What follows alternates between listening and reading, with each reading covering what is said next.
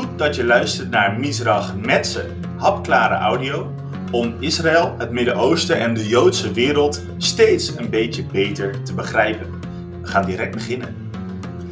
Als je een Joodse achtergrond hebt, dan heb je recht op een reis naar Israël, waar je meer over dat stukje van je eigen identiteit kunt leren. Taglit is Ivriet voor ontdekken. En ik wil in deze podcast ontdekken hoe zo'n reis eruit ziet. Daarover spreek ik Tamar Efrati, oud-CEO-voorzitter en bovendien een van de reisbegeleiders van de Birthright Trip van afgelopen zomer. Welkom terug in Misrach, Tamar. Hey. Een gratis snoepreisje voor jongeren om kennis te maken met Israël, zodat je er uiteindelijk ook gaat wonen. Is dat een beetje de samenvatting? Ja, ik denk dat dat wel de samenvatting zou zijn die uh, zou geven. Uiteindelijk is het wel, uh, ja, vinden ze het wel belangrijk dat iedereen met een Joodse achtergrond ziet hoe de Joodse staat er eigenlijk een beetje uitziet. Persoonlijk zou ik niet zeggen, kom naar Taglit als je alleen naar Israël wil verhuizen. Kom er vooral naartoe om, om je eigen geschiedenis een beetje te ontdekken. Maar ik denk dat dat wel een uh, standpunt is die Taglit zou innemen, ja. Ja, want uh, de, degene die deze reis ooit bedacht hebben, die vonden het juist ook belangrijk om Joods leven, waar dan ook, ja, meer tot leven te brengen eigenlijk. En dat doe je onder andere door zo'n reis aan te bieden. Klopt dat? Ja, ja. En het is ook wel, ik moet ook zeggen, het lukt, uh, het lukt ook wel echt met uh, die doelstelling. Ontzettend veel jongeren gaan met Birthright van over de hele wereld eigenlijk mee. En mensen maken dus ook echt alia. Die gaan ook echt in Israël wonen na zo'n reis. Daar heb ik al, denk ik, elke reis dat ik ben, ben nu twee keer mee geweest. En bij in die twee keer uh, zijn ze allebei, zijn er wel één of twee of drie naar Israël verhuisd. Soms voor langer, soms voor iets korter, maar ze, ja, best wel veel. Dus dat is wel, het lukt ze wel. Hey, en wie mag er mee? Um, iedereen die één Joodse grootouder heeft, uh, opa of oma, die mag in principe mee. Dus je hoeft geen, uh, volgens de Joodse wet, Joodse moeder te hebben om mee te gaan. Maar dus ja, alleen een Joodse grootouder, dat is eigenlijk al voldoende om, uh, om mee te kunnen. En wie betaalt daarvoor? Um, elk land die meedoet aan Birthright, die hebben sponsors. Uh, mensen die eigenlijk investeren in deze reis, uh, die het belangrijk vinden dat, Joods, dat, de jo ja, dat de Joodse gemeenschap Israël ontdekt. Dus in principe betaal, betalen die uh, mensen het voor de groep. En, en wat willen die sponsoren of donoren als return on investment? Naar mijn idee willen ze gewoon zien dat mensen het naar hun zin hebben in Israël en zien hoe, hoe, ja, hoe mooi het land kan zijn. En ook uh, hoe belangrijk het is dat er een Joodse staat is. Ik denk dat dat vooral uh, waar vooral ligt voor deze sponsoren. En we hebben bijvoorbeeld met onze groep een brief geschreven naar de sponsoren die het dit jaar hebben, uh, ja, dit, dit jaar geld hebben gedoneerd. om te bedanken voor de reis. Uh, dus dat is eigenlijk het enige wat ze terug verwachten. Dat, ja, misschien verwachten ze het niet eens, zo'n brief. Maar dat is eigenlijk het enige wat we terug hebben gedaan voor die sponsoren. Dus eigenlijk best wel heel erg gul van deze mensen dat ze dat gewoon zomaar op die manier doneren, zo'n grote reis. Ik kan me voorstellen dat jij, als jij bijvoorbeeld een Joodse Nederlander bent en je ziet uh, Joods leven in de, in de synagoge. Maar je denkt, ja, weet je, hoe kan ik dit nou een boost geven? Je hebt natuurlijk wel de jaarlijkse feesten die dat misschien doen. Uh, of uh, Joods onderwijs die dat kan doen. Maar het is nog mooier om een stukje van de Joodse identiteit te ontdekken in Israël. En dan is Israël eigenlijk niet zozeer het doel, of het later steunen van, van de staat Israël, de Joodse staat Israël. Maar ook gewoon het ontdekken van je eigen identiteit op die plek. Zie jij dat ook zo? Ja, ik heb uh, afgelopen zomer een groep gehad van mensen die bijvoorbeeld wel orthodox zijn opgegroeid, maar ook mensen die ergens ooit Jood zijn, nog nooit er iets mee hebben gedaan, nog nooit de feestdagen hebben gevierd. En dan neem je ze mee naar Jeruzalem, naar de klaagmuur. En dan beginnen ze gewoon te huilen. Of die emoties komen dan gewoon omhoog. Omdat ze voor het eerst zien dat er zo'n grote gemeenschap is die gelooft in wat zij ook geloven. Of die een beetje dezelfde achtergrond hebben. En in Nederland kan je het natuurlijk wel zien als je naar de synagoge gaat. Maar als je daar niet bent opgegroeid of je ouders hebben je daar nooit mee naartoe genomen, dan is het Joodse leven voor jou misschien die ene opa of die ene ouder die er wat, wel eens wat over heeft verteld. En dan zie je dat opeens in zulke grote getalen en dat is gewoon heel indrukwekkend. Ik denk dat dat op een bepaalde, op een bepaalde manier heel mooi is uh, hoe Taglit dat dan invult. Je krijgt echt de kans uh, om het mee te maken op een manier die je niet zou meemaken als je gewoon zelf naar Israël zou gaan. En zonder die kennis van de begeleiders, zonder de verhalen, dat zou doen. Ik denk, ja, ik zelf ben er nu zo vaak geweest. En elke keer als ik dan door de participanten ogen kijk, die voor het eerst bij bijvoorbeeld in Jeruzalem zijn, dan, dan brengt het mij ook weer terug naar de eerste keer dat ik daar was. Ja, dat is gewoon heel indrukwekkend. Ja, ook juist omdat het een stukje van jezelf is of je herinnert aan een stukje van jezelf. hey, uh, Tamar, je hebt bij deze de kans om direct wat vooroordelen over Taglit weg te halen. Want zo'n fenomeen kennen wij in Nederland eigenlijk niet. We hebben dan ook geen diaspora. Dus dan is het gemakkelijk om op zo'n reis allerlei ideeën te plakken. Vertel, welke ideeën wil je de wereld uithelpen? Ja, ik denk dat heel veel uh, mensen uh, denken dat het een uh, nationalistisch project is ehm, van de Israëlische staat. Eigenlijk om misschien zelfs een beetje al het negatieve wit te wassen.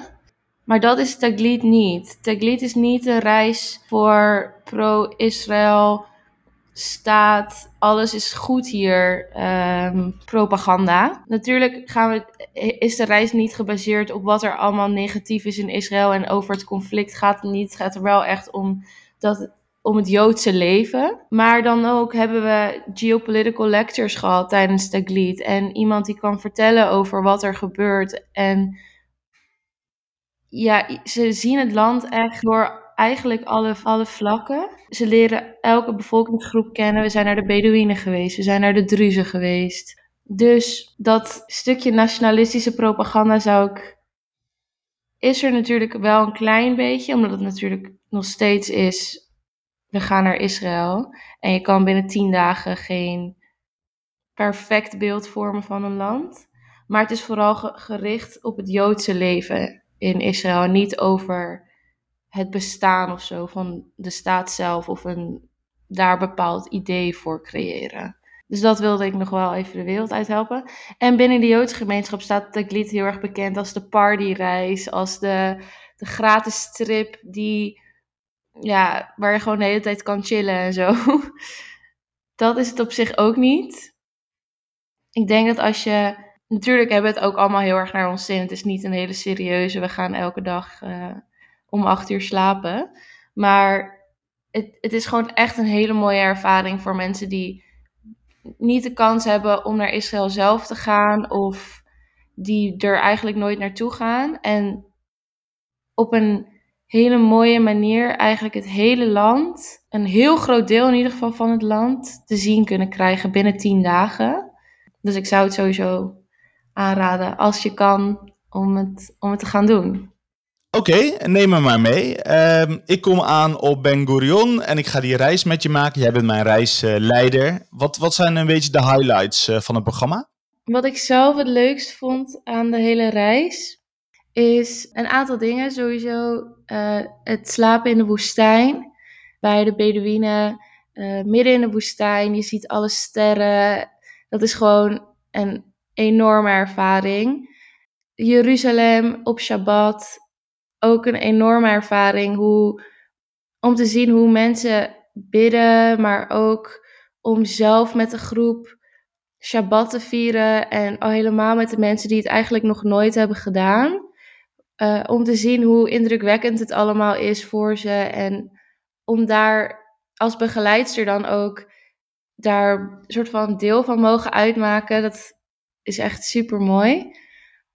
Ehm, ik vond ook uh, alle, het leven op de kibbutz. Op een of andere reden vond ik dat mooi om te zien.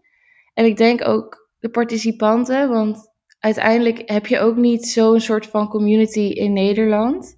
Dus om te zien hoe mensen socialistisch met elkaar leven, dat ja, komt bijna niet meer voor.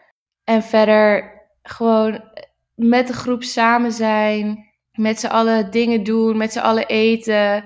Ja, het is echt geweldig. En natuurlijk Tel Aviv, daar gingen we natuurlijk ook naartoe. Um, daar hebben we een kleine streetfood-achtige tour gedaan. Kortom, er zijn super veel dingen die we hebben gedaan in die tien dagen. Maar ik denk dat dat wel de highlights zijn voor mij.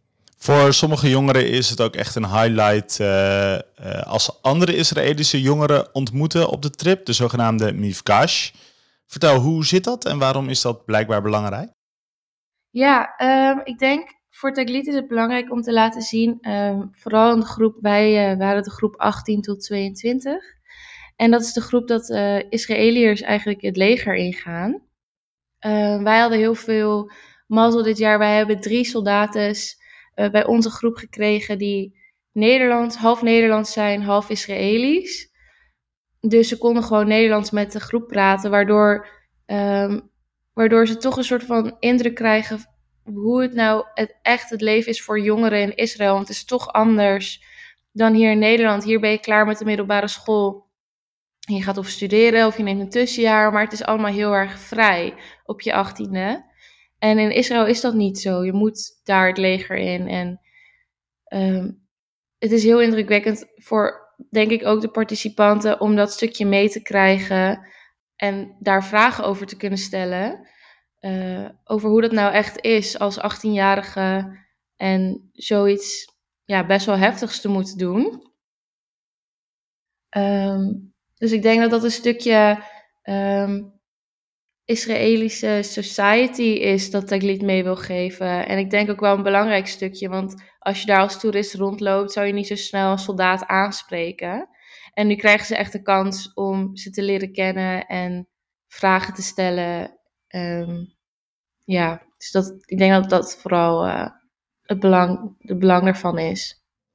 Alright, we lopen een klein beetje uit de tijd en ik heb nog zoveel vragen. Dus misschien kun je een beetje uh, kort antwoord geven op de volgende vraag. Is er een verschil tussen de trip ja. voor Amerikanen en Europeanen? Uh, qua wat je ziet en doet, niet. Qua hoe het allemaal wordt uitgelegd en hoe groot alles wordt gemaakt, wel. uh, Amerikanen zijn toch iets meer van het luidruchtige en van het heftige. En die hebben volgens mij ook een aparte soort van feestachtige met allemaal muziek. En dat, dat hebben wij binnen de Europese tak minder, omdat we daar toch iets minder gevoelig voor zijn. Maar qua de dingen die je ziet op de reis en de dingen die de reis zelf echt, die is vrijwel gelijk. Ja, je zegt minder gevoelig. Je zou kunnen zeggen juist gevoeliger. Hè? Ik heb een paar beelden gezien van, van die super heftige feesten. En ik dacht ook, ja, weet je, Nederlanders die, die vinden dit echt een beetje te intens.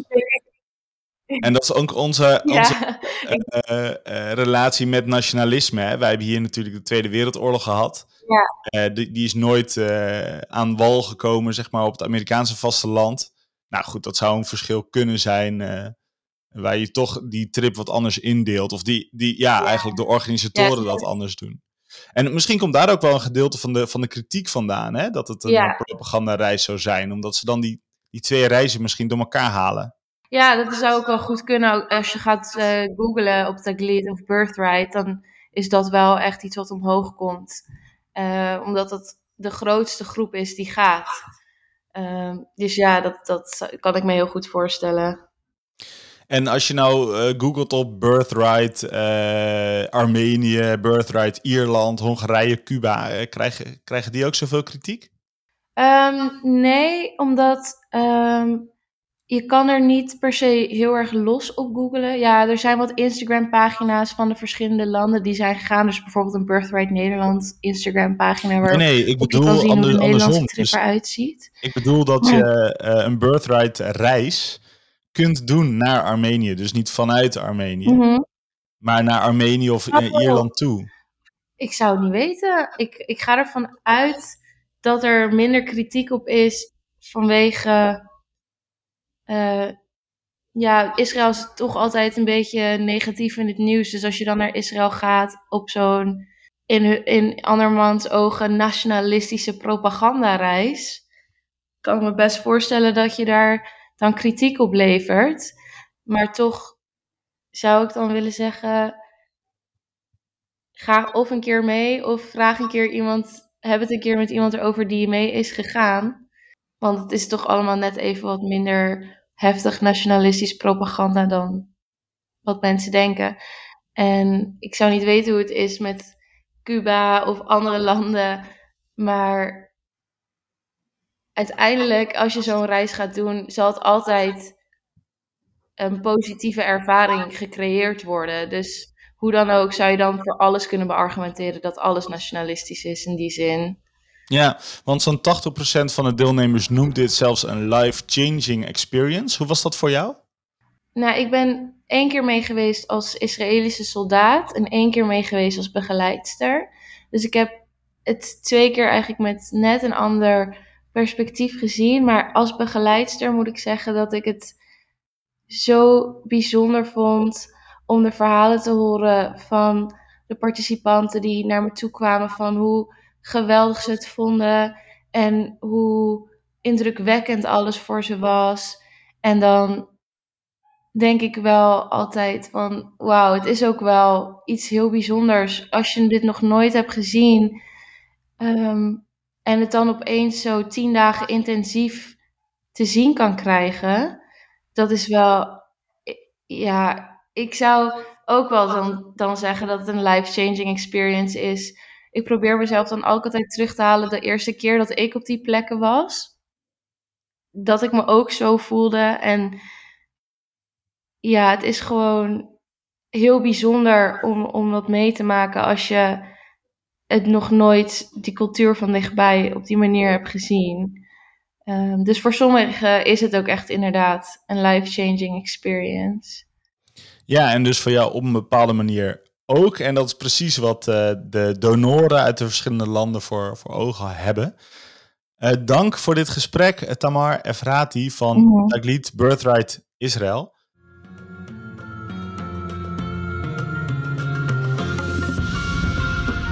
Smaakt dit naar meer? Via dit kanaal wordt ook het hoofdgerecht, Misrach, uitgeserveerd. Deze podcast is langer en iets lastiger te verteren, maar minstens zo interessant. Hou ons dus in de gaten en raad Misrach aan in je omgeving. Bedankt!